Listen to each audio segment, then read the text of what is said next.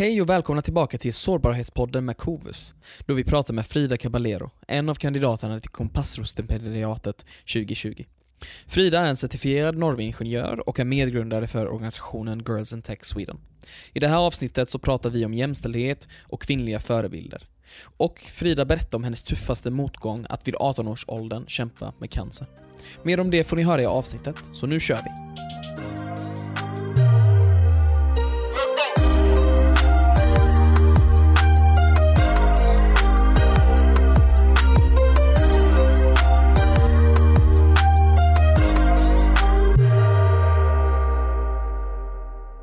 Gud vad kul, jag måste säga, jag är alltid lika taggad inför att prata med människor, för det finns så mycket man kan lära känna. Sist vi talades vid så berättade du om ditt teknikintresse. Kan du berätta lite hur det kom till? Mm. Eh, allting började nog sedan liten. Jag tror nog jag alltid haft intresset för just, inte, te- Mm. inte specifikt teknik, utan datorer. Så det var liksom allt från att jag var väldigt eh, man säga, nyfiken på hur datorerna var uppbyggda. Eh, jag var ju uppväxt i den tiden då datorerna såg ut som lådor. De var jättetunga. Och, eh, så jag tror nog nyfikenheten på liksom att hur en, liksom, en så, så stor låda kunde liksom få så mycket information. Ehm, Så jag växte, ja, det började kanske där, som liten. Eh, och jag var ganska ensam i just det där intresset, så jag har inte så mycket typ, Det kanske mest bara tjejvänner killar som hade det intresset vid den tiden. Ehm, så det var liksom mest... Ja, precis. Ehm, så det är liksom så det började egentligen. Ehm, sen när jag väl skulle börja då, eh, eller när det var dags att välja gymnasieval, då satt jag Mm. och pratade med min mentor, för vi hade ingen studievägledare i min skola, utan vi fick prata med en mentor som fick Mm. ta rollen som ja, studievägledare. Och då sa då min lärare, ja men Frida du är väldigt, väldigt engagerad i just här i datorerna och allting så varför inte ta teknikprogrammet? Och jag bara, ah, okej, jo men det låter ju som ett väldigt bra val. Och så fick jag liksom läsa vidare själv på egen hand vilket Mm. ämne som var som lockade mig mest. Och då valde jag då information och medieteknik som var då inriktat på programmering och sånt. Mm. Och då det är intresset typ bara växt ännu mer då genom tiden? Ja, precis. Jag hade en väldigt, eh, hade ingen favoritlärare kan man typ säga i grundskolan. Utan det var typ en lärare som var, Mm. säga, jag vet inte exakt vad- hans roll kallades, men han hade då vet allmänt eh, eh, ansvar för datorerna i skolan. Eh, så då, man kan typ säga att det är han som kanske var den person som introducerade mig till just, eh, teknikvärlden. För det var allt från digitalt skapande som vi hade i skolan varje vecka. var, en gång per termin hade vi typ så här eh, aktiviteter under, under en hel vecka där vi fick välja exakt vilka kurser vi ville plugga. Eh, och det var allt från liksom, teater, dans. Jag kan säga att det var en rolig vecka man liksom fick välja exakt vad man ville göra. Och då valde jag liksom digitalt skapande eh, bland annat. Och då jag blev helt fast i just det. Ehm, det här med eh, filmning, filminspelning digitalt och all, alltså allt det där började intressera. Så jag tror nog jag har honom att tacka för att han engagerat sig väldigt mycket i att introducera teknik till ungdomar generellt. Eh, så det är typ så det börjar Mm. kanske. Men det var lite- inga andra alltså, det tjejer som också hade det intresset för tekniken? Egentligen inte. Jag tror nog det var väldigt få personer som tog dem, just de specifika kurserna. De Jaha. populära kurserna var liksom så här, ja, men När var detta? skidåkning, Vilken ålder ungefär? skridskor. Eh, Okej. Det var alltså, under hela skol, skolåret. Mm. Eh, så från grundskolan fram till nian så fick man liksom göra olika aktiviteter under en vecka varje termin. Ehm, så jag valde alltid liksom, Mm. eh, de här tekniska teknik, Men vad tyckte- vad tyckte killarna allt, då? Allt det här.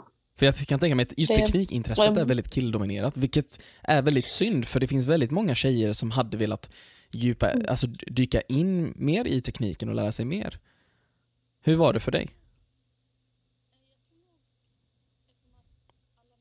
Eh, Jag tror nog, eftersom att alla medier och allting, alltså allt från film till tidningar, det visar ju en bild till exakt hur tekniken är. Och teknik är egentligen har målgruppen killar. Man, genom att, om du ska gå och kolla, köpa en tidning så kan man ju se att tjejerna är liksom typ så här, ehm, Ja. ja, men hur går man ner 10 kilo eller sminkningens trend. Det är väldigt eh, alltså det, är liksom så här, det visar exakt vad vi ska läsa. Och sen går man på kill. Precis, och sen när man Mm. kollar på killarna då är det liksom bara senaste bilarna, alltså teknik, program. Alltså det är liksom, så man ser en stor skillnad på ja, men bland annat tidningar, filmer också. De visar exakt hur stereotypen eh, programmerare är. Det är luva typiskt på. nörden som sitter i datan. Ehm, och precis. ehm, så man, det visar ju en bild redan vid ung ålder på hur man är. Och då tror man, Mm. om inte man relaterar till just den personen som man ser på tv, då är det ju ganska lätt att tro att Mm. just det intresset inte är till en själv. Eh, Så jag tror nog det gjorde ganska mycket att det var varför inte många som valde just de här Mm. kurserna redan vid, Okej. ung ålder. Ehm, så det var typ det. Jag tror det var typ max fem Det är elever också en grej att det är lättare för killar att typ kunna se sig i den positionen med tanke på att det marknadsförs så mycket. Å andra sidan är det svårare för tjejer att kunna se sig själva som kanske Precis. dataingenjörer på grund av att det inte marknadsförs. Eller kanske också på grund av att det saknas, saknas sådana förebilder. Nej, men precis. Eller att de inte syns tillräckligt mycket. Mm, precis. Ja.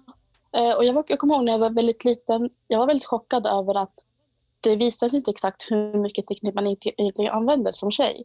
Jag vet att när jag var typ 14 Mm. år så var det väldigt inne bloggvärlden. Liksom alla läser tid, alltså bloggar och sånt.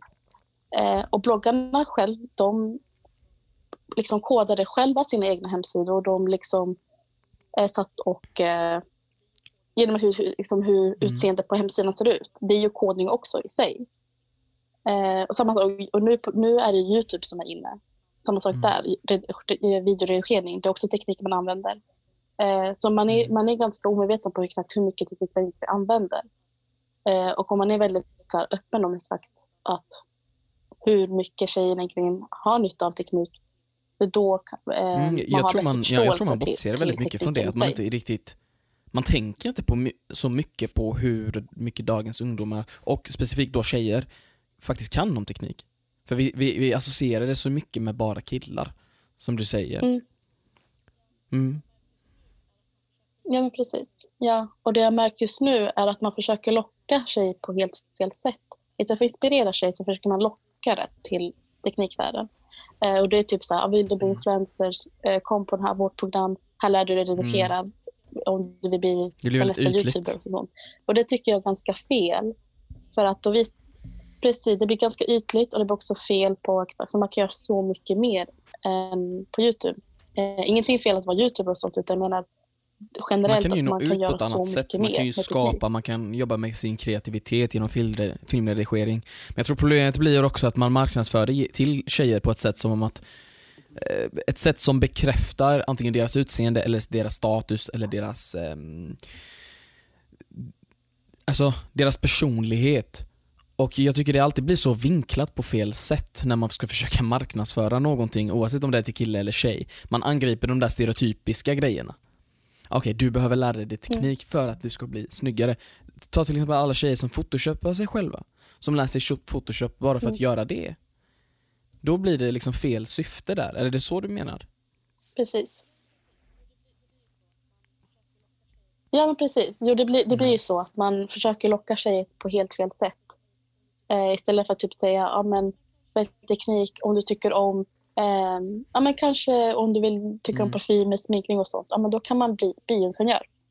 Eh, eller, ja, du vet, att det finns, det finns så mycket mer man kan göra om man har intresse för någonting. Det är jättelätt att göra det Mm. till någon teknisk eller ingenjörsutbildning. Eh, Men, man, men, men eftersom att eh, samhället är byggt på ett, på ett sätt som inte uppmuntrar sig eller framhäver en viss intresse till att det så, liksom då, det så ganska ytligt. Så här, ja, men det här tjejer se ut. Det här är det som är inne. Och, eh, och det, det sorgliga är att tjejerna är bättre i de här eh, i matte, fysik, teknik än killarna i grundskolan. Men ändå när det väl är dags till just gymnasiet att välja gymnasielinje så väljer de ändå bort natur och Mm. teknikprogrammen. De väljer mest samhälle eller ekonomi fast de har bättre, ja, bättre betyg än killarna. Och killarna som har lägre betyg, de väljer ändå teknikprogram till exempel. För att det är så, typ, det är så tydligt att ja, men är du kille så ska du välja de här programmen. Um, och det går också ganska, ibland har också killar till och med fel bild Eller av? Mm. teknikprogrammen och tror att de ska sitta och spela, sitta och spela dataspel.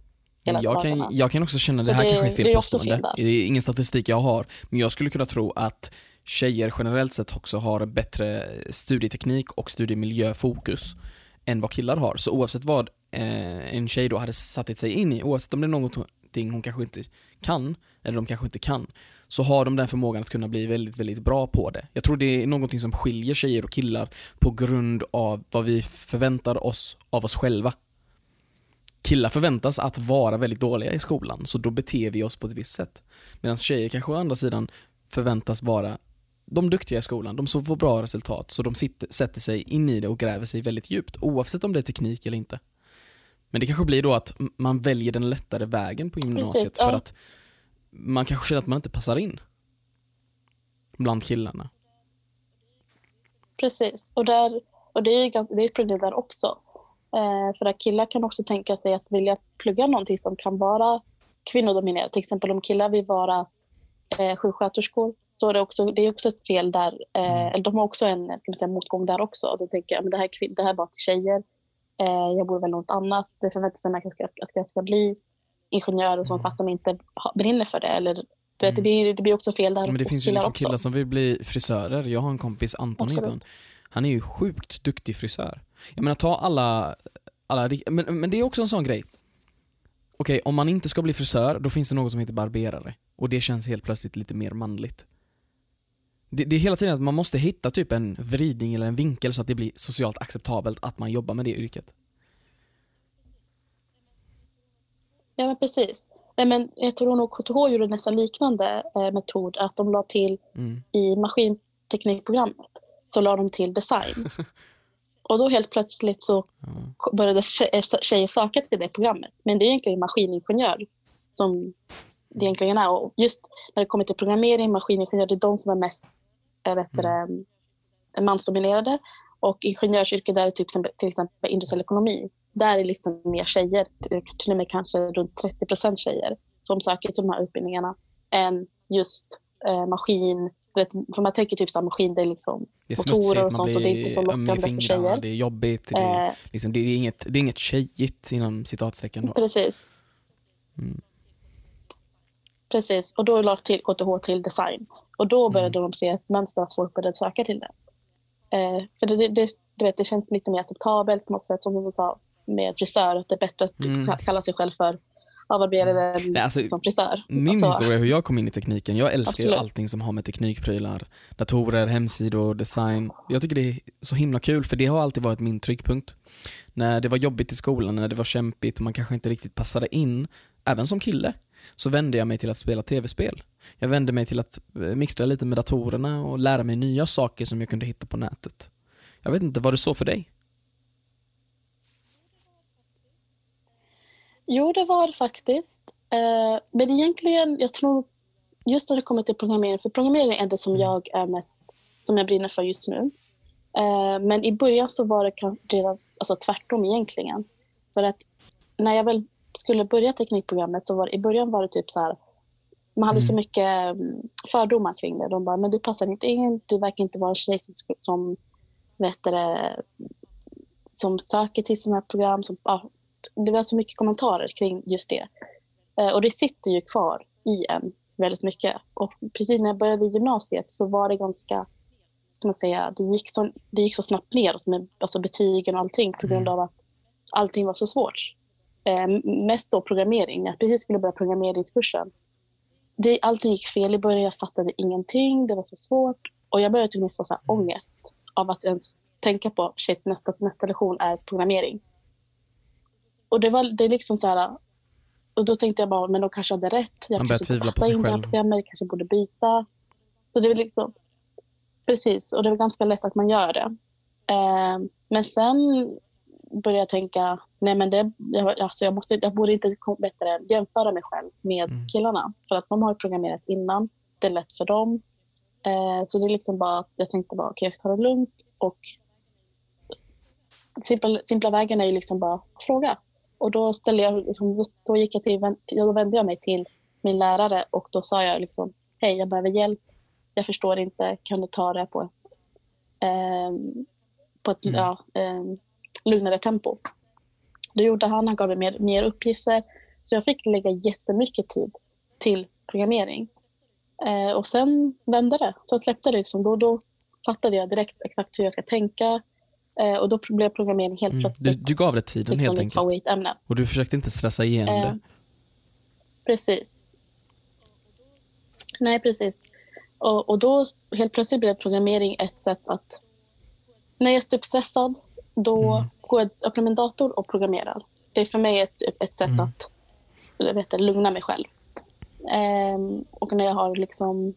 När vi slappnar av, att, ja, helt enkelt, då... Så det är liksom, programmering är ett sätt mm. för mig att gå bort från omvärlden.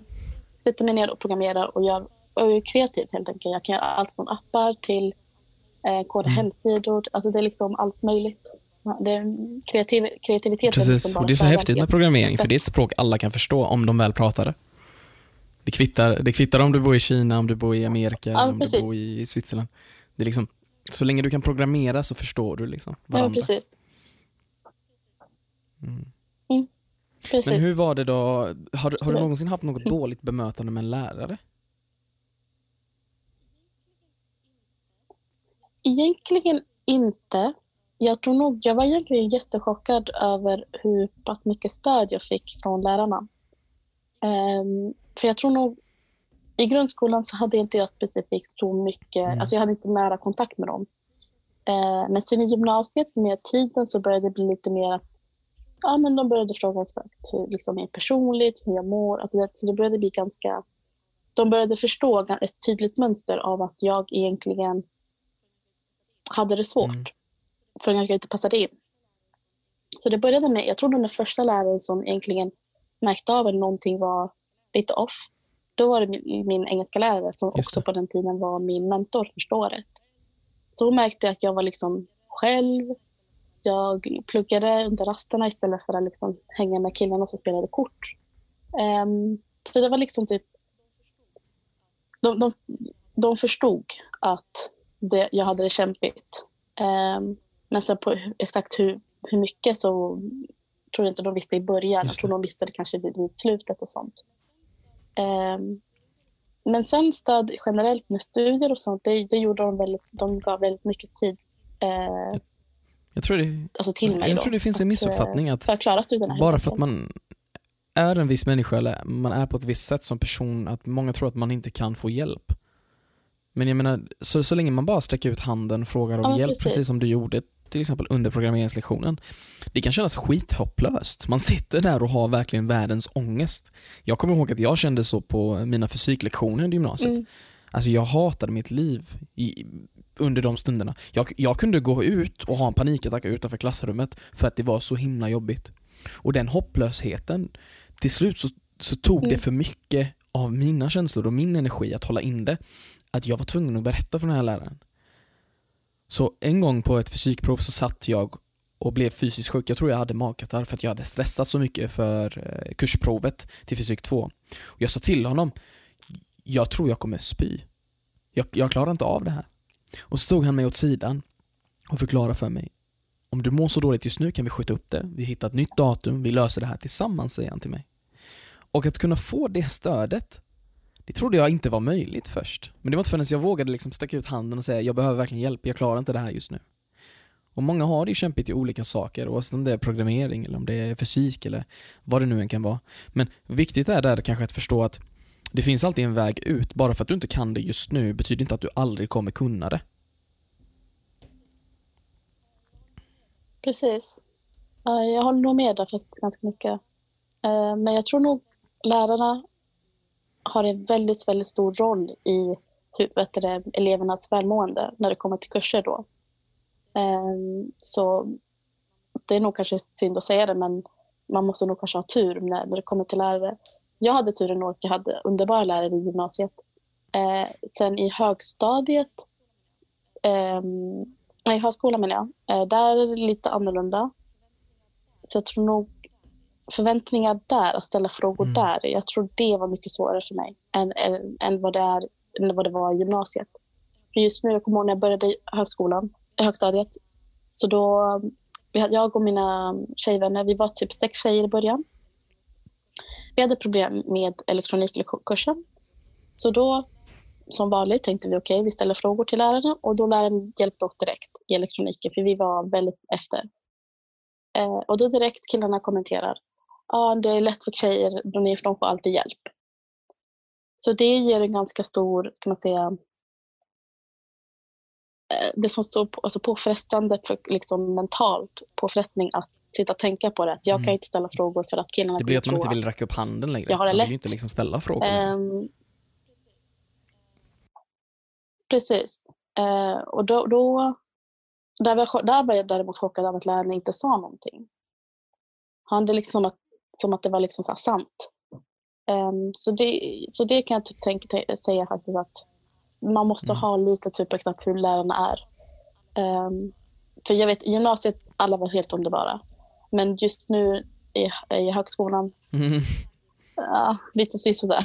De kan ge, mest, Mm. de kan ge bättre stöd. Det, men- jag tror under högskolan och universitetet så är det inte lika personligt som det var kanske under eh, gymnasiet. För det är så stora grupper blir det nu. Nej, precis. Abs- ja, precis. Alltså, det är jättemånga. Mm. Vi har mest gästföreläsare och sådana saker, så absolut. Ehm, så är det liksom det. Men generellt inte genom att bara ställa frågor öppet. Det är någonting som jag vet att tjejer kämpar vi väldigt mycket med för att de har större press på att känna att man måste, Ja, man måste bevisa att man passar in där. Man är där för att eh, en killarna, killarna kan ställa de mest ehm, De dummaste frågor. frågorna. Eller, det finns inga dumma frågor, men, ja, men precis. De är helt orädda att stä- ställa sådana frågor. Men tjejer som har bra frågor, de, ställ, de vågar inte räck- räcka upp handen på grund av att man har den här känslan av att oj, de kommer att tro att jag eh, är korkad. Eh, och sånt. Så det är liksom, för ihåg, det, var en, det var en sak som jag var i föreläsning. Jag förstod ingenting i föreläsningen. Och då, då liksom vände jag mig till tjejerna och jag bara, förstår ni det här biten? Jag bara, nej. Jag bara, varför frågar ni inte för? Och då, och då liksom räckte jag upp handen och bara, för jag, har, jag är redan van vid just att vara i en mansdominerad utbildning.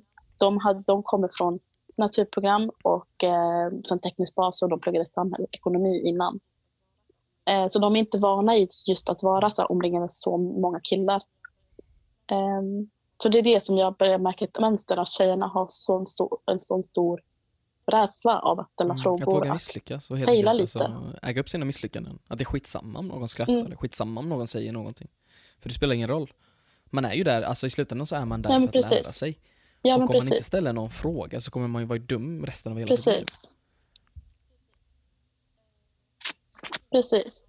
Eh, så redan vid gymnasiet har jag alltid ställt upp som eh, studentambassadör och varit öppet- öppet hus och sådana saker. Mest för att kunna prata med tjejer som funderar på att söka till teknikprogrammet eller eh, ingenjörsprogram. Och det, jag ser ett tydligt mönster på alla tjejerna. De, de vanliga frågorna som tjejerna ställer är, är det svårt? Är det många killar? Behöver jag vara, liksom, måste, jag, kun- måste jag vara jätteduktig på matte och fysik för att söka till, till teknikprogrammet? Och sånt saker. Då säger jag till dem så här, bara lyssna.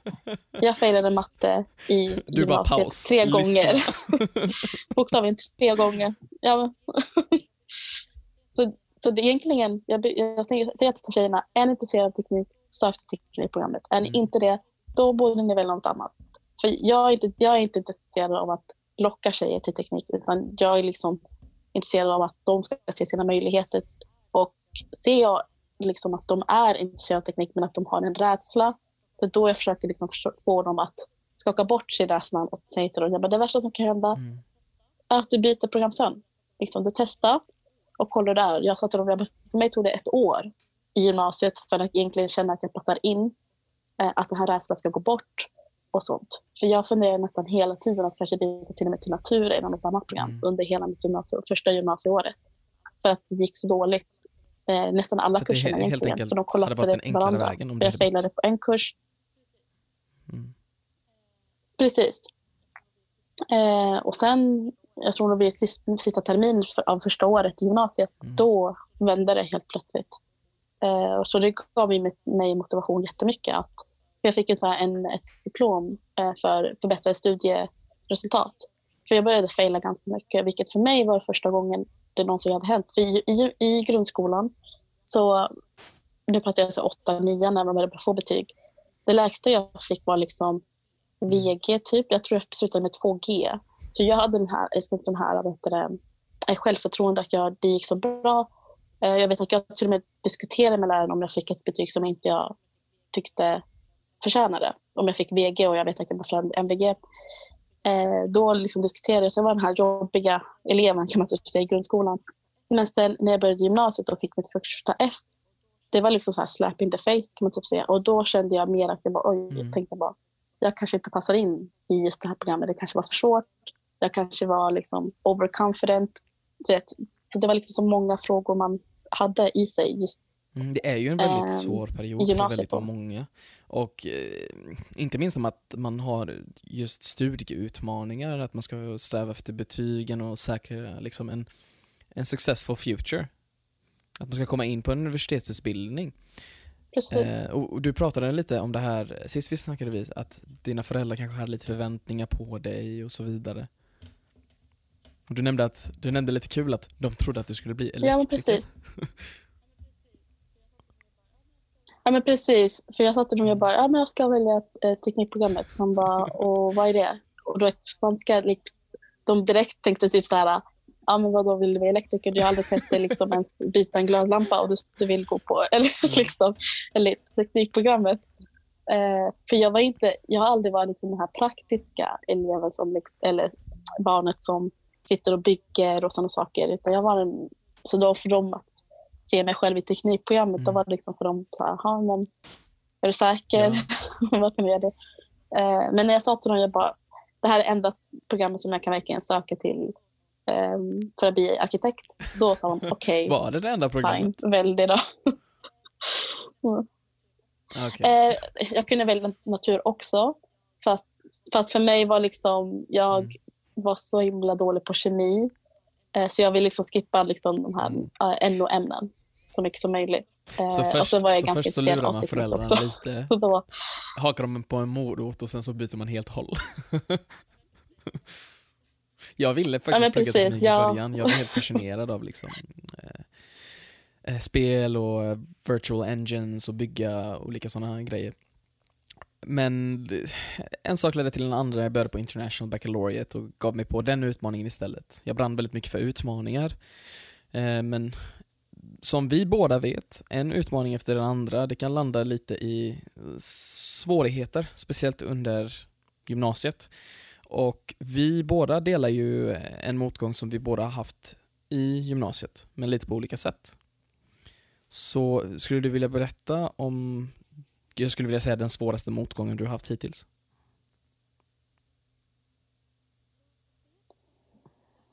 Jag vet faktiskt inte. Mm. Jag tror nog för att jag har så många.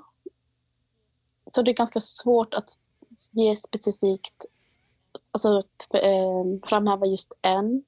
Men jag tror nog generellt att bara, att bara liksom ta sig igenom en sån stor, mm. svår period, alltså känslomässigt, jag tror det är den största utmaningen som jag har eh, tagit mig igenom.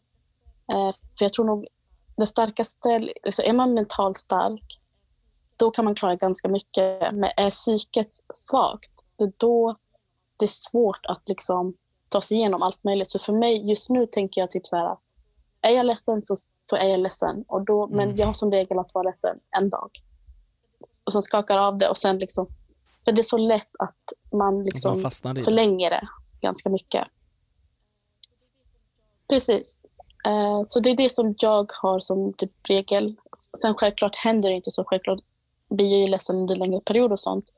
Uh, för det som jag lider personligt, uh, eller förr var det liksom depression ganska mycket. men sen började det gå till panik och ångest, panikattacker och ångest. och det kommer jag ihåg, det var första gången jag fick en panikattack var i gymnasiet. Och för mig, det där var liksom det mest kan man säga, det läskigaste.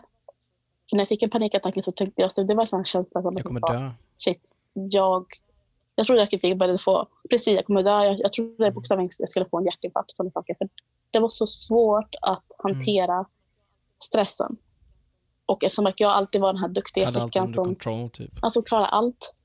Eh, precis, man hade allt under kontroll. Man hade, och det är inte så mycket att man har en sån yttre press. För folk tror direkt att, man har, att jag har de här strikta föräldrarna som vill att jag ska ha höga toppbetyg. Och så är det inte.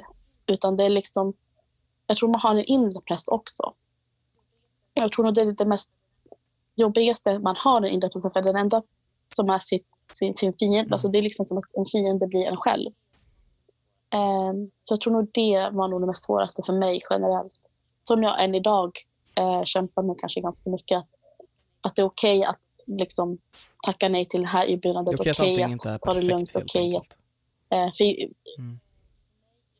Precis. Eh, så för mig, jag, jag tror nog jag har ganska en, en rädsla av att missing out, att, att missa saker. Att inte, att, eh, men sen, nu, jag måste liksom påminna mig själv alltid att det är okej att ta det lugnt. Att det kommer nya, nya Mm.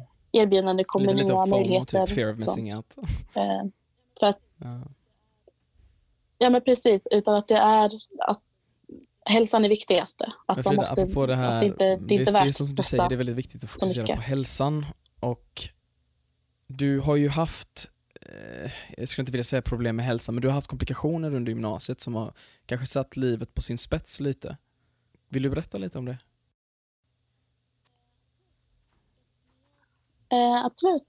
Jag, när jag fyllde 18, t- eh, typ tre månader senare, det här var då andra året i gymnasiet, så tre månader senare min födelsedag så fick jag diagnosen att jag hade cancer. Så för mig, det var ganska, ska man säga, en sån stor... Det var, det var så svårt att acceptera det i början. För det, jag kommer ihåg det första jag tänkte på var, gud shit, eh, på fredag har jag fysikprov. Eh, det var det första jag tänkte på.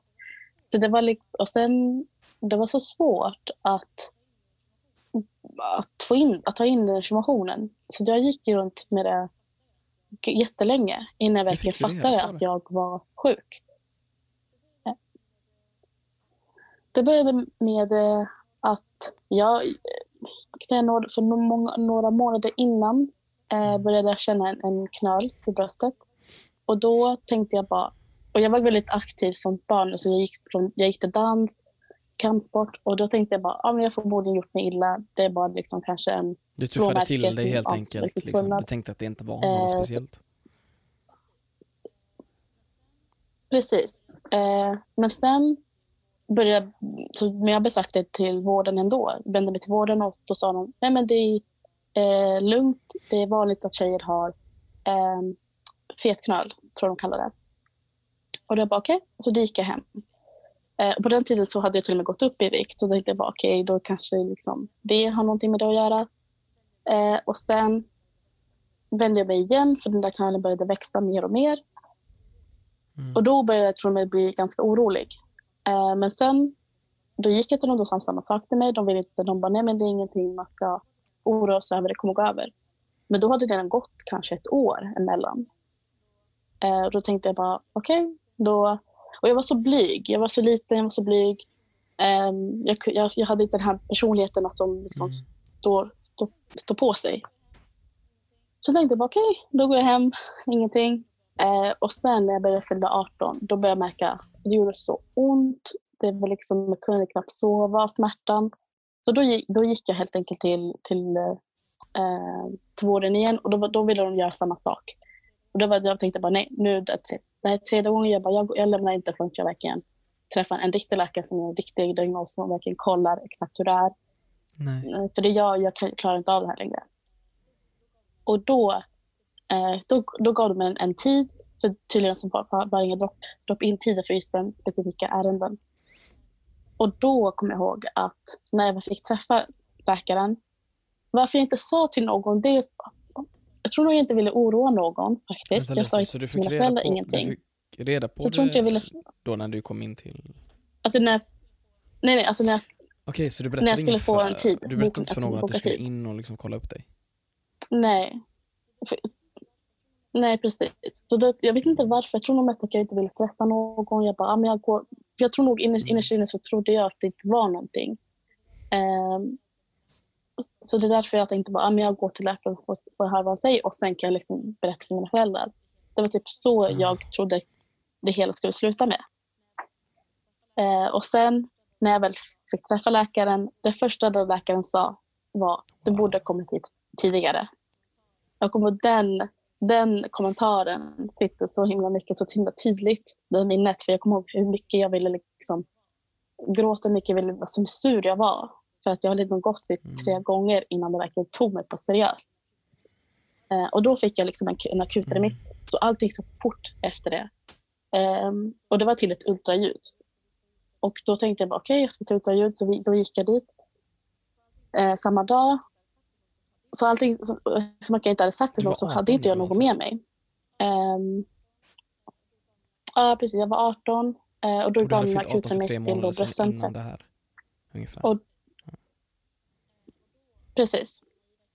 Eh, och då, eh, när verkligen gick in till det här bröstcentret så Mm. då var det direkt ett biopsiprov. Det var liksom, för jag, jag gick dit med, med tanke på att jag skulle göra eh, ett ultraljud bara. Men nej, de ville ha ett, eh, ett biopsiprov. Och där Allvaret. tror jag insåg Mm. själva liksom, allvaret. Precis. Eh, men då, hade jag, då blev jag liksom bara skrämd. Att det var till och med så svårt att berätta för någon. Då tänkte jag bara, nej det här är bara ingenting. De gör det bara säkert för eh, vara på säker sida. Så jag började till och med googla och jag tänkte bara, nej men det här är inte vanligt för min ålder. Vad är oddsen att det ska hända mig? Eh, så, så då tror jag var skrämd men samtidigt lugnade jag ner mig du började själv söka upp sätt. information, bekräfta, Eh. kategorisera. Ja. Precis. Eh, och sen en vecka senare så ringde de upp mig faktiskt. Och då sa de att, att de vill liksom, eh, prata med mig och Mm. gav mig tid eh, via telefonen då. Och då sa de att det är ingenting att oroa sig över. Så, det liksom, så då fick jag typ så en positiv alltså, Mm. vibe över telefonsamtalet. Så då tänkte jag bara okej, men då är ingenting säkert. Och sen när jag gick till då, när det var dags att söka, eh, se läkaren igen, då ser jag två läkare där. Och då kommer jag ihåg att nej, det här, det här var kanske inte, det här var inget bra. Och då fick jag diagnosen. Då sa de att nej, du har bröstcancer. Och, eh, så det var ganska... Vad var din, vad var din första tanke när de sa eh, du har bröstcancer? Där och då? I början så tänkte jag, i början tänkte jag, jag var mest orolig för studierna, kommer jag ihåg. Eh, att jag skulle ha prov, att jag, jag tyckte, det var typ det som jag oroade mig för. Jag vet inte varför, men det var typ det som jag oroade mig för ganska mycket. Sen efteråt, när jag väl kom hem, då började jag tänka efter exakt hur, hur, allt, hur jag hamnade där, liksom, hur allting gick. Eh, vad jag kunde ha gjort annorlunda, vad jag gått igenom själv och sådana saker. För att jag har aldrig varit den som behövs ta hand om.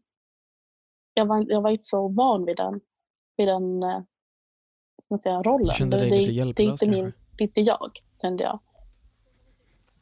Ja, men precis. Och sen det var typ en stund som jag tänkte typ att det, att det inte hände. det. tänkte jag bara, nej det här kanske var en, Mm. dålig dröm.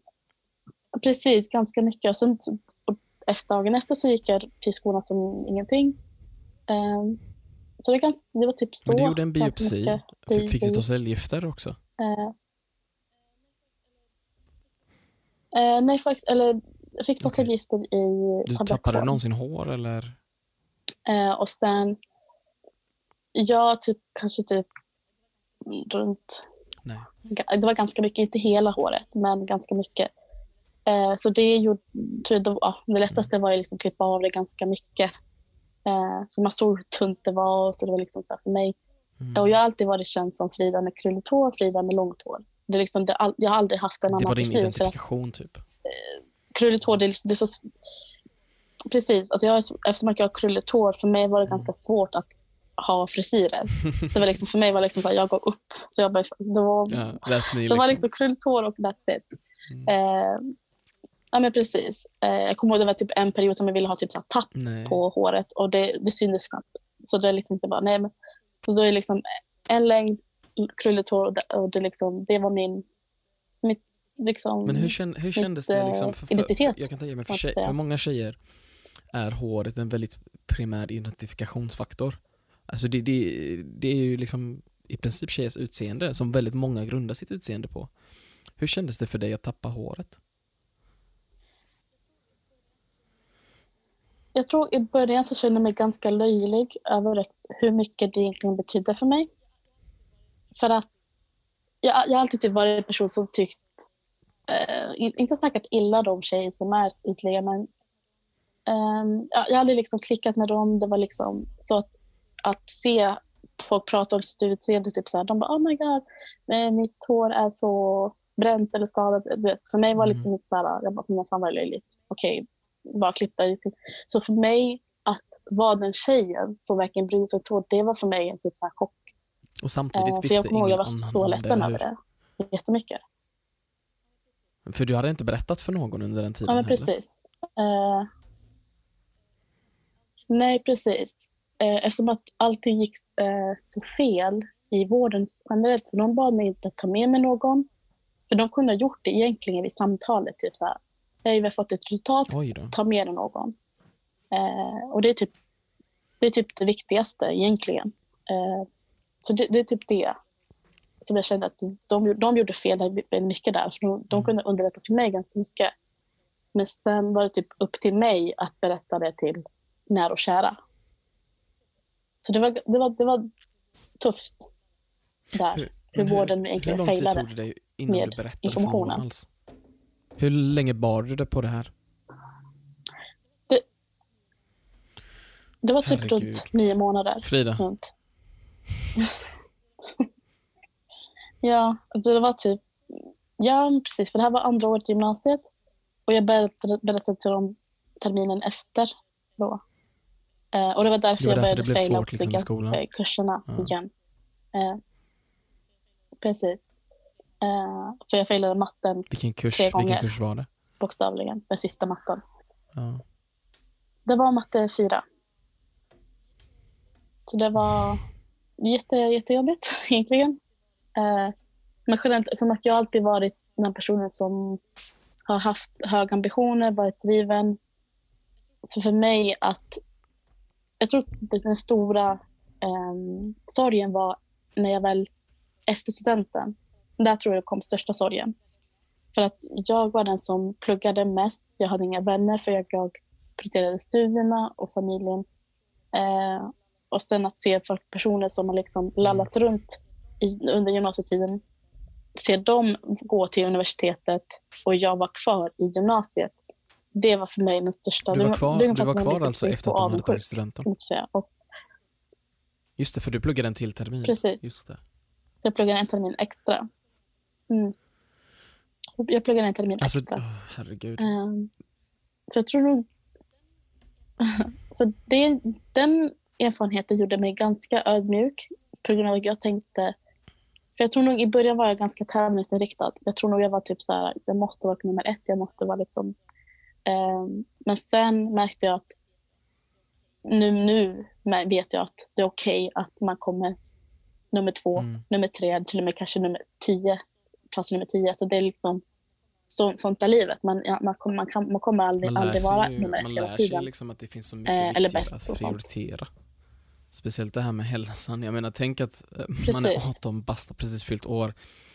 Och jag känner igen mig i det här så mycket, för jag berättade det för dig sist också, att jag har ju haft exakt samma upplevelse.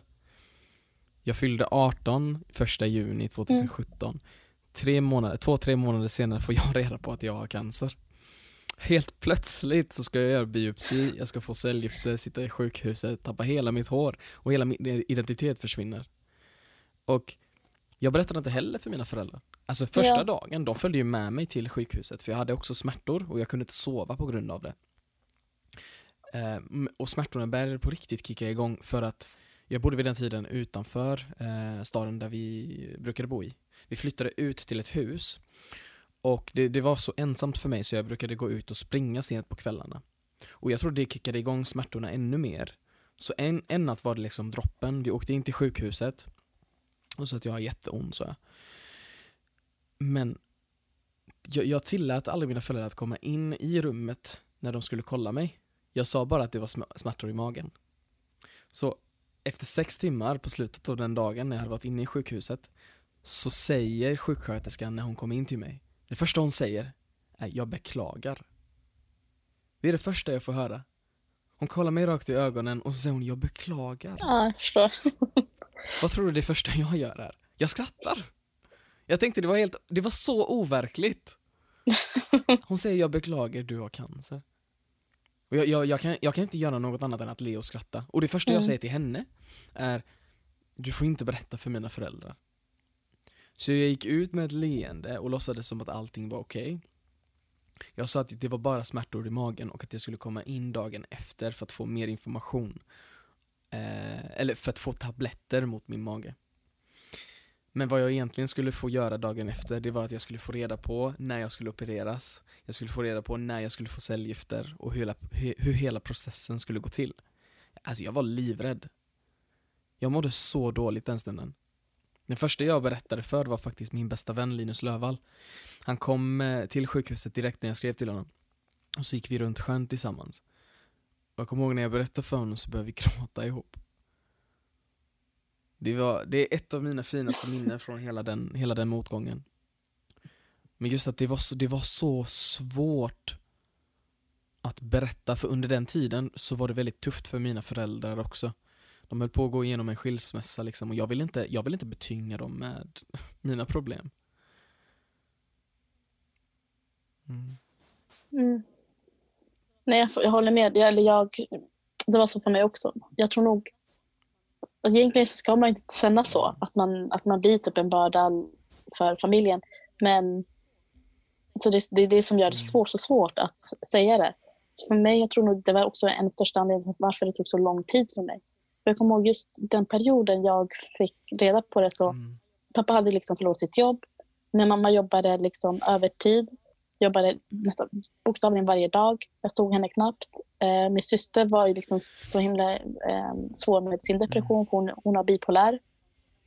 Eh, så jag hade ingen, ingenstans att vända mig till riktigt. Eh, så för mig, det, det första personen som fick reda på det var ju min mentor i gymnasiet. Eh, och det var liksom helt, ska man säga, jag kommer ihåg den minnet jättemycket på grund av att jag gick runt hela den dagen och tänkte på jag måste berätta det. Och, och sen tänkte jag liksom bara, Mm.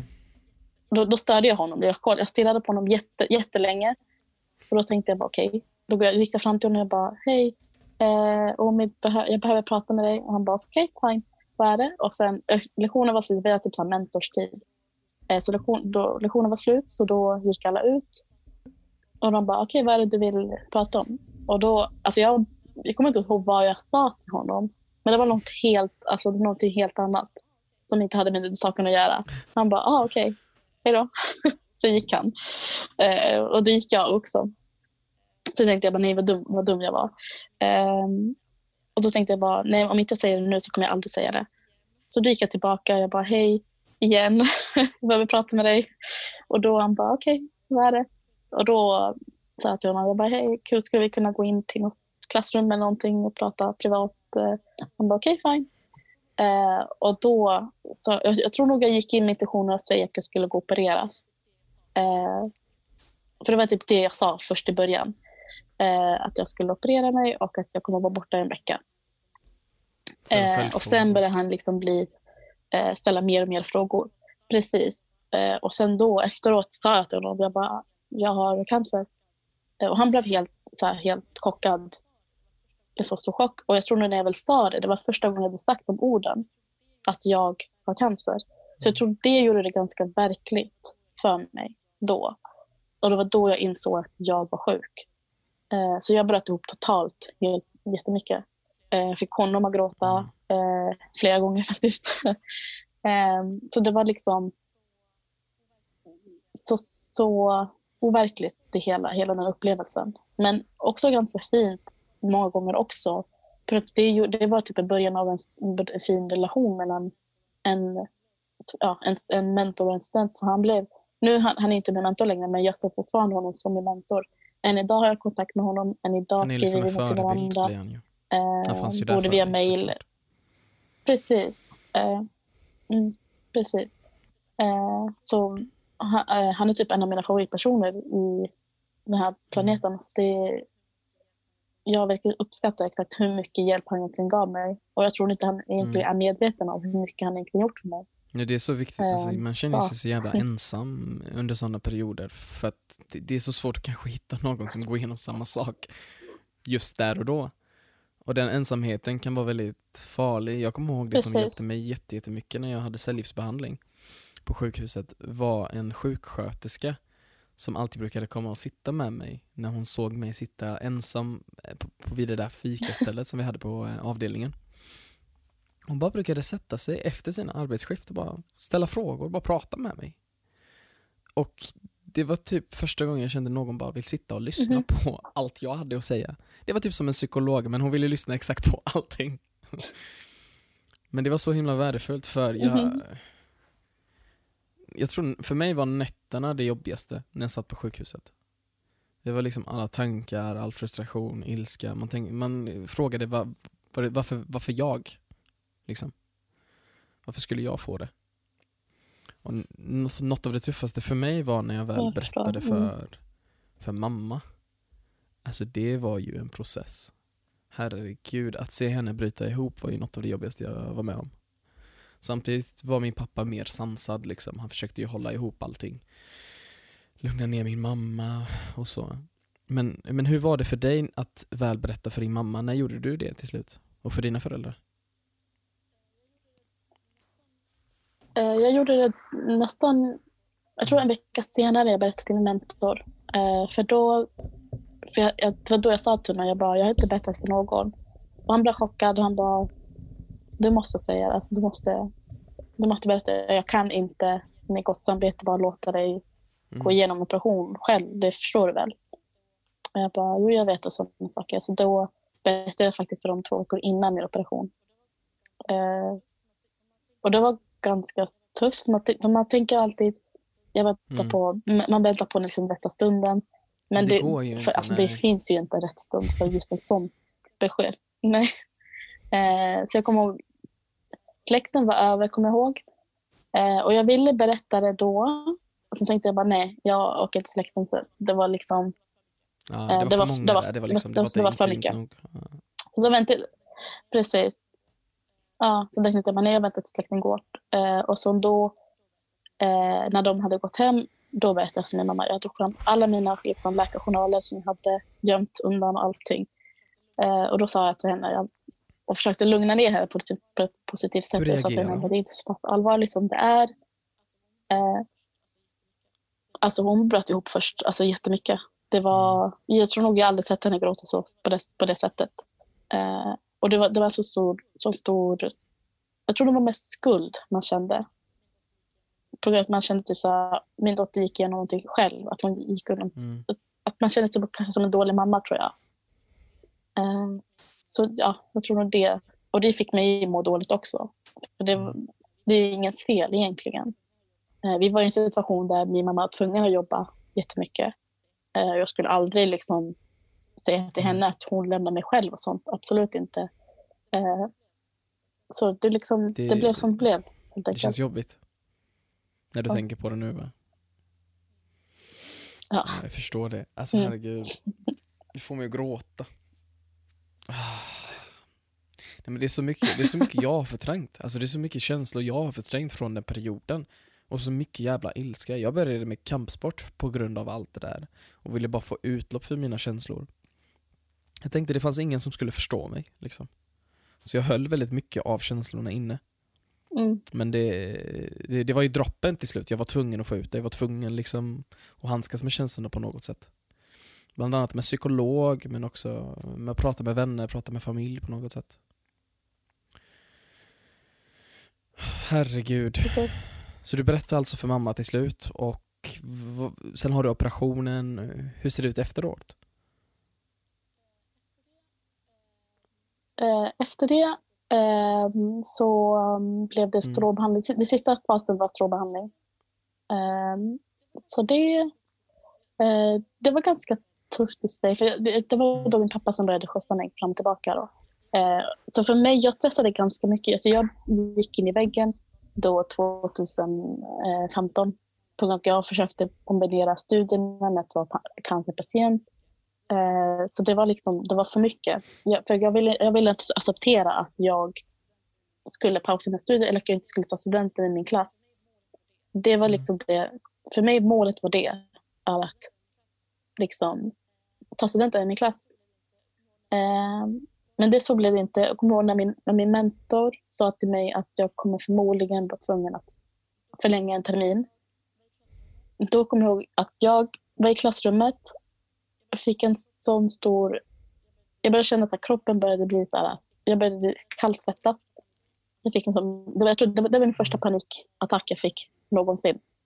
Eh, sen gick jag till... Eh, då hade jag en mattelektion. Jag gick då, eh, lämnade mina grejer i lektionen gick jag på toa och fick en sån stor panikattack och då tänkte jag bara shit, jag, jag kommer, jag tror jag jag, jag tror det var medicinen eller någonting som jag, som jag hade gått igenom, strålbehandling och sånt.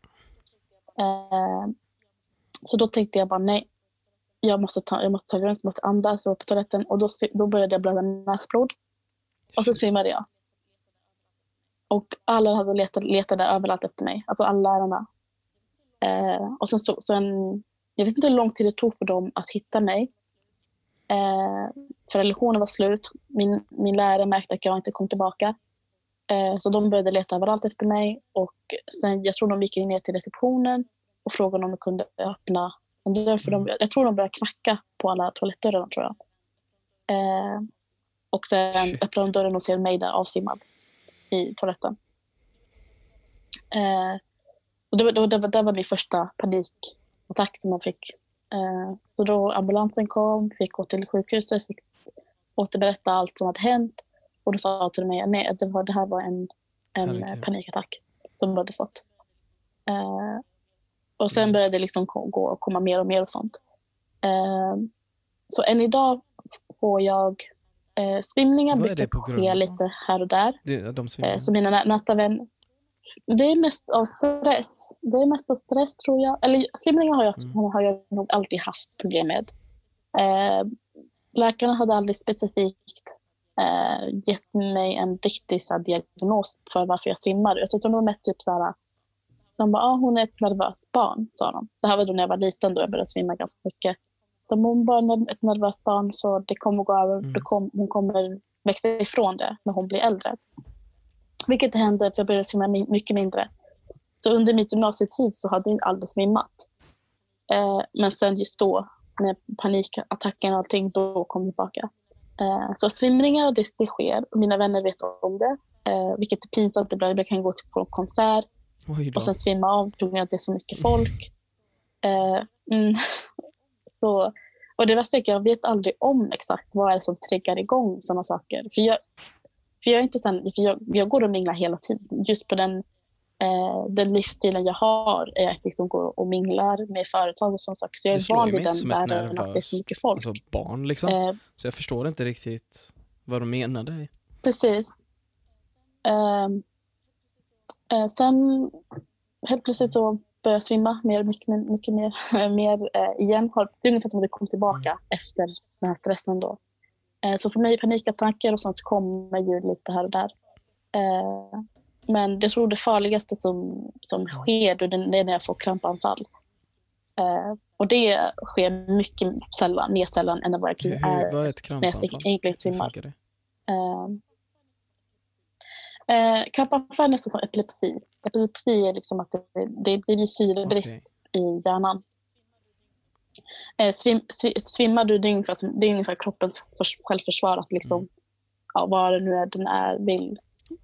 Eh, liksom. Så det är ungefär att du, du svimmar bara. Det farliga är ju visst om du slår dig mot något. Eh, men svimning i sig är ju inte farlig. Eh, men krampanfall, när du får syrebrist, då är det farligt. Du kan till och med bita, bita dig i tungan, börja blöda och sådana saker. Eh, så krampanfall mm. har skett ett par gånger. Eh, jag tror sista var då när efter, under en tenta. På universitetet? Då, i skolan. Um, och det var precis. Och det var typ två år sedan tror jag. Och det var det mest... Uh, det var den här tentaperioden, stressigt. Um, och då skedde det igen. så det är liksom... Det, det är saker som jag än idag går igenom som ingen vet om egentligen. jag tror att mina närmsta vänner vet att det, det, att det händer. Eh, Oj. Jag, men, jag är ja. väldigt tacksam för att du berättar. Jag måste verkligen berätta, eh, jag måste verkligen säga det, det betyder jättemycket att du gör det. Alltså, det, jag vet inte hur många som känner likadant. Det finns säkert jättemånga av våra lyssnare som också har upplevt en panikattack, men som inte kanske ens visste att det var en panikattack. Jag kommer ihåg första gången jag fick en panikattack var också under ja, gymnasiet men precis. och hur hela min kropp frös till. Typ spänningar i axlarna, armarna, jag kunde inte andas. Och det, det blir typ som att man nästan hyperventilerar. Eh, och bröstkorgen spänner till också. Jag vet inte, det är, det är en sån jobbig känsla. Det är så svårt att sätta ord på det. Mm. Precis. Och jag tror nog, eh, nu vet inte jag hur eh, generellt sett svenska folket är, men jag vet att i Latinamerika, de tycker det är jättelöjligt. De typ, typ så här tänker, eh, de brukar säga typ så här, de tror med det största medicinen liksom slå den, slå barnet. Bara, Nej men det kommer gå över. Mm. Det, det är typ den, deras metod. Att, eh, så för dem, då, när, när, mina, när min mamma försöker förklara för släkten Mm. i Latinamerika om vad jag går igenom, till exempel att jag svimmar och sånt. Då, säger det, då så brukar de säga, nej men du har, eh, jag man vet inte om Latinamerika? översätter det ord på svenska, eh, eh, mimada. Och det är typ, det är när man Typ överdriver? Eh, bortskämd ungefär. Liksom. Ja, inte, inte överdrivet, man är bortskämd. utan Man är liksom att man Ja, inte vet ja. om den riktiga världen och de tror att eh, man blir typ så här, ja, alla stressar. Varför ska man stressa? Det för, de Psykisk förstår inte ohälsa riktigt det här överlag, konceptet typ. av panikattacker. Mm. Precis. Ja, men precis. Jag kommer ihåg till och med att när, min syster hon är bipolär. Jag vet att hon har haft väldigt mycket kämpigt eh, under hela sin uppväxt. på grund av att Hon var Mm. ganska komplicerad som barn. Eh, och de bara, nej men hon, hon är så bortskämd, hon är oartig. Eh, så de, och sen när, när, vi, när de gick ut med att hon är bipolär, då, då trodde Hon de inte på det. De bara, nej men hon gör sig ja. så. Eh, hon manipulerar, hon låtsas. Eh, liksom, ja, det, så de har in, inget, inget förståelse egentligen till Alltså det är ju kring eh, psykisk ohälsa. Så min syster jag, vi går i... Nej, men jag tänker bara, Ja, det är ju ett fortsätt. himla stort problem överlag mellan Eh. kulturer. Att man inte riktigt förstår sig på det här med psykisk ohälsa. Eller att man inte ens är öppen för, eh, man är inte mottaglig för att börja lä- lära sig mer om det. Speciellt i liksom Mellanöstern och i andra länder. Precis. Sverige är väldigt, väldigt bra på det, för vi pratar väldigt mycket om det. Och vi öppnar upp för konversation. Men jag kan fortfarande känna att det är stigmatiserat. Mm. Vi ser fortfarande ner på människor och säger liksom att de söker uppmärksamhet. Eller äsch, ryck upp dig. Eller ta tag i ditt liv. Alltså ibland kan det vara svårt för människor att ens gå ut genom dörren. Mm. Och jag tror det krävs mer förståelse Precis. där. Att man Eh, lyssnar istället för att bara uttrycka sig och prata om det. Precis. Nej, men det är, Mm. det är svårt egentligen. Eh, just kring att, ha, att hitta folk som har förståelse kring det. För jag tror att de, de enda personer som har full förståelse det är Mm. människor som har egentligen själv upplevt det. Eh, för jag vet att det, det, det finns ibland till och med folk som kanske är trötta på, på det. Ibland, ibland är det typ avboka saker som de blir trötta. Så jag har väldigt få nära vänner egentligen. Jag vet att min, min kompiskrets minskade ganska mycket under gymnasietiden. Dels när jag gick igenom cancer, så då ville jag inte prata med någon. Och, eh, och sen dels när jag började få panik, depression och panikattacker och sådana saker, då visste jag att ja, men Ja, det är så sant, vilka samma som var mina här faktiskt. riktiga vänner. Man lär sig, man lär sig de- värdet av sann vänskap och långvariga relationer. Innan var jag väldigt mycket så här att jag ville vara vän med alla. Jag ville skapa så många Precis. relationer som möjligt. Men till slut när jag gick igenom den här med cancern och eh, hela den här perioden. Jag tänkte fan jag orkar inte längre. Jag orkar inte behöva bevisa mig för någon längre. Den enda som är viktig i mitt liv det är ju fan min Mm. egna hälsa liksom. Precis. Där var det mer en prioritering. Vilka ska finnas i mitt liv? Nej, precis.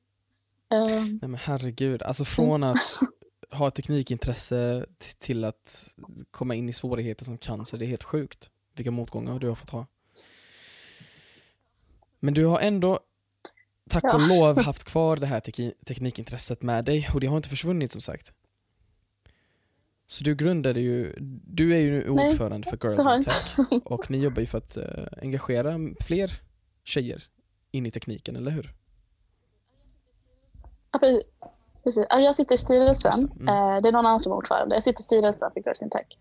Eh, Och jag är då eh, PR-ansvarig just nu. Eh, Så det började med att eh, för jag, jag jobbade i Women Engineer, vilket är då deras mål är att det ska examineras Mm. lika många kvinnor som män. Lika, ja, i, ja, eh, inom ingenjörsyrket. Då. Eh, så de har det målet till 2030. Att det ska vara 50% killar, 50% tjejer i, som är examinerade ingenjörer. Eh, men under mina tre år där märkte jag att vi började ha två olika kan man säga, mål och två olika inriktningar. För jag tror de inte förstod också själva, för alla Mm. pratar om till exempel kvinnolöner. Eh, att de tjänar mycket mindre än män. Men ingen pratar också om etniciteter. Att visst, tjejer eh, tjänar mindre än killar, eh, vita män då. Men, men som tjej som är utländsk bakgrund, hon tjänar ännu mindre än den här vita tjejen. Då. Och det var någonting som de inte hade förståelse kring varför jag ville vet, ta upp det ämnet. När jag började kolla på deras hemsida, det här var då, min roll i Women Mm. var eh, content-ansvarig. Så det var liksom allt, som, allt innehåll på både hemsida och sociala medier. Eh, och då började alltså, ehm, jag, jag vet inte om de fick en impression att jag kanske hade eh, problem med svenska tjejer, något sånt, eller, eller att jag försökte dra rasistkortet. Det var inte det min intention var och det var inte det mitt mål. Men jag började märka att, att der, på allt som var på hemsidan, de, deras eh, eh, största eh, eh, innehåll i deras hemsida är intervjuer. Så de intervjuar kvinnor för att de vill då Mm. ja, men framhäva kvin- kvinnliga förebilder. Vilket är bra. Men jag började märka att de började intervjua nästan att nästan 95 procent var då vita tjejer från KTH och som hade Mm. samma utbildning, alltså industriell ekonomi. Då först och främst, det var tre fel där. Ett, att de bara intervjuade eh, alltså etniskt svenska tjejer. Två, att det bara var KTH. Tre, att det bara var industriell ekonomi. Alltså ingenjörsyrket är ju så brett. Det kan vara allt från ortopedingenjör till byggingenjör eh, som har två olika inriktningar. Och redan, alltså ingenjör i sig är ju ett sånt svårt... Eh, det är så svår bild av därför, och det är också eh, tjejer också har så svårt att se sig själv som ingenjör för det är så Det svårt att så många förebilder veta vad en som de ingenjör kan relatera till kanske. Eh, nej, precis. Eh, och då sa jag till bara, om ni bara visar industriell ekonomi, då kommer vi inte komma till målet att det, att det ska vara 50% tjejer då alla intresserade av industriell ekonomi. Om jag fick uppfattningen att ingenjörsyrket var industriell sen är- ekonomi hade jag aldrig sagt Sen är inte alla liksom Jag, jag, ju- svenska heller. jag liksom pluggar... Nej, precis. Eh, så då, de började förstå helt enkelt. Och så då började jag ta ansvaret att skapa en gästsida istället. Så hon som, hon som hade ansvar för intervju, hon eh, Mm. gjorde sitt och jag gjorde mitt. Och när vi gästsidan, då började man märka en höjning av de som följde Women ner väldigt mycket. Eh, för där begick all, vi intervjuade allt från brandingenjörer till eh, byggingenjörer. Det var liksom, jag, jag försökte se till att det var så stor, eh, så det var så brett eh, utbud så att verkligen alla hittar någonting, att alla hittar sin förebild. Eh, och också att de ska vara från annan, relig- eh, det, en annan religion, en annan det, kultur, en annan, ett annat land. Eh, för det, då kan du också, då kan man Det handlar ännu ju mer liksom om relatera till representation personen. så att man kan känna igen Eh, sig. att För När man en, kan känna igen sig så kan man verkligen se sig själv i den positionen. En ung tjej som kanske aldrig sett, eller en ung tjej som har liksom en slöja på sig, som aldrig sett någon med slöja som ingenjör, kanske aldrig tror att hon själv kan bli ingenjör. precis. Eh, så det är det som jag började känna att det var dags för mig att lämna Women. Helt enkelt för att de, hade all, de, de, de förstod aldrig eh, just till Mm. den varför det är så viktigt att eh, för de gör nästan samma sak som egentligen samhället och samhället typ säger typ ja men tjejer kan söka till ingenjörsutbildning, det är inte vårt fel att tjejer inte söker. Eh, och det är samma sak där med Women. De säger ja men invandrartjejer kan också läsa Women varför det är deras fel att de inte blir inspirerade. Det är ungefär, så, det är ungefär den känslan som jag känner, att de gör samma fel som samhället. Eh, man måste, man måste liksom vända sig till målgruppen, till exempel invandrartjejer. Eh, för jag vet att generellt latinamerikanska tjejer, att de blir ingenjörer, det är väldigt, Mm. väldigt sällan det är väldigt få tjejer som gör det. Eh, så för mig, där började jag engagera mig ganska mycket att vända mig till mitt folk, att vända mig till liksom, eh, tjejer ja, med en invandrarbakgrund. Jag är uppvuxen i Botkyrka. Alla mina vänner alltså, har, eh, kom, alltså, har nästan samma tankesätt Mm. som mig. Liksom. Alltså det är ju fantastiskt att kunna Ja. Att kunna få prata med en förebild som vill inspirera andra tjejer till att följa sina drömmar oavsett om de faller in i den kategorin eller inte kring vad som förväntas av dem. Sen så har du ju, sen så engagerar du dig också Precis. inom vården som du berättade för mig sist. Och det kanske inte är många som känner till det va? Eh, nej, faktiskt inte. Eh, jag, eh, just nu det som jag är ganska öppen eller ganska så framhäver jättemycket det är liksom mest att min, min eh, liksom teknikinriktning. Men jag engagerar mig också vid andra, eh, mest på grund av att jag hade väldigt dålig erfarenhet av vården eh, när jag, när jag var under, min, under min tid i sjukhuset. Men då fick jag förfrågan av att eh, engagera mig i ett projekt som heter Min kod. Och den är ju till för att förbättra vården för unga. För just nu det som finns är liksom barn, till barn, till barn Barncancerfonden, eh, eller generellt till äldre då, som är då majoriteten de som är sjuka i cancer. Då. Så det finns inget riktigt specifikt för unga, alltså mellan 15 till 30 år. Eh, och då när jag började läsa, i början förstod jag inte riktigt eh, projektet. Projektet heter Min kod. Och då eh, i början tänkte jag bara, nej men vad är egentligen Mm. vi ska göra? Jag förstod inte riktigt helt enkelt. Eh, så det är så svårt att förklara vad, vad vi gör för något. För än idag, vi gör så många grejer. Allt från att prata med myndigheten, att ta eh, både Försäkringskassan, CSN och eh, Arbetsförmedlingen. Se till att de ändrar sina riktlinjer där till unga. Och eh, vården i sig, att anpassa informationen där till unga och se till att de har eh, en bättre, bättre Ja, vård. det är jätteviktigt. Det är. Så det är det som... Mm. Så det jobbar jag med. Nej, men det är så fint att ta del av alla dina engagemang. Och det är ju väldigt tydligt för mig varför du är en av kandidaterna också. Jag vill verkligen gratulera dig till det. Det är så himla häftigt att kunna, jag sa det i ett inlägg som jag la ut för några veckor sedan. Det är så häftigt att få kunna stå med samma lista liksom, bland alla de andra. Och det är väldigt ödmjukt att få lyssna till din berättelse, det måste jag verkligen säga. Men hör du sist men inte minst, dessa tjejer som sitter och lyssnar nu hemifrån, som är teknikintresserade men känner inte att de har möjligheten eller plattformen att kunna få utöva sitt intresse. Vart kan de vända sig? Vem kan de höra av sig till? Det finns jättemånga organisationer. Jag, börjar bli, alltså jag blir jätteglad av att det finns så många som driver av i princip samma, eh, samma saker. Att introducera sig till teknik. Eh, det finns allt från eh, ping programming, eh, datatjej, womengineer. Att det finns så många organisationer. Eh, och sen min också, eh, Girls, in, Girls in Tech. Så jag tror nog att generellt kan man ju liksom bara höra av sig till min förening. Jag kommer alltid, eh, jag kommer aldrig vara en person som liksom försöker locka till min förening. Jag ser jag en person som kanske är intresserad av programmering, ja, men då vet jag ja, men det finns på ping programming, gå dit istället. Eh, eller datortjej. Är någon intresserad av ingenjörsyrket, ja, men då gå till Womengineer kanske. De är ju duktiga på just det ämnet. Så alla har ju sin inriktning, alla de här organisationerna har ju sin specifika inriktning. Min är ju liksom mer eh, generellt till teknik och äh, STEM-ämnen också, alltså mathematics, eh, science, engineering and Mm. eh, technology. Så det är liksom, vi har lite mer öppen och vi, och vi har målet också entreprenörskap. För vi vill att de ska bli entreprenörer inom teknik.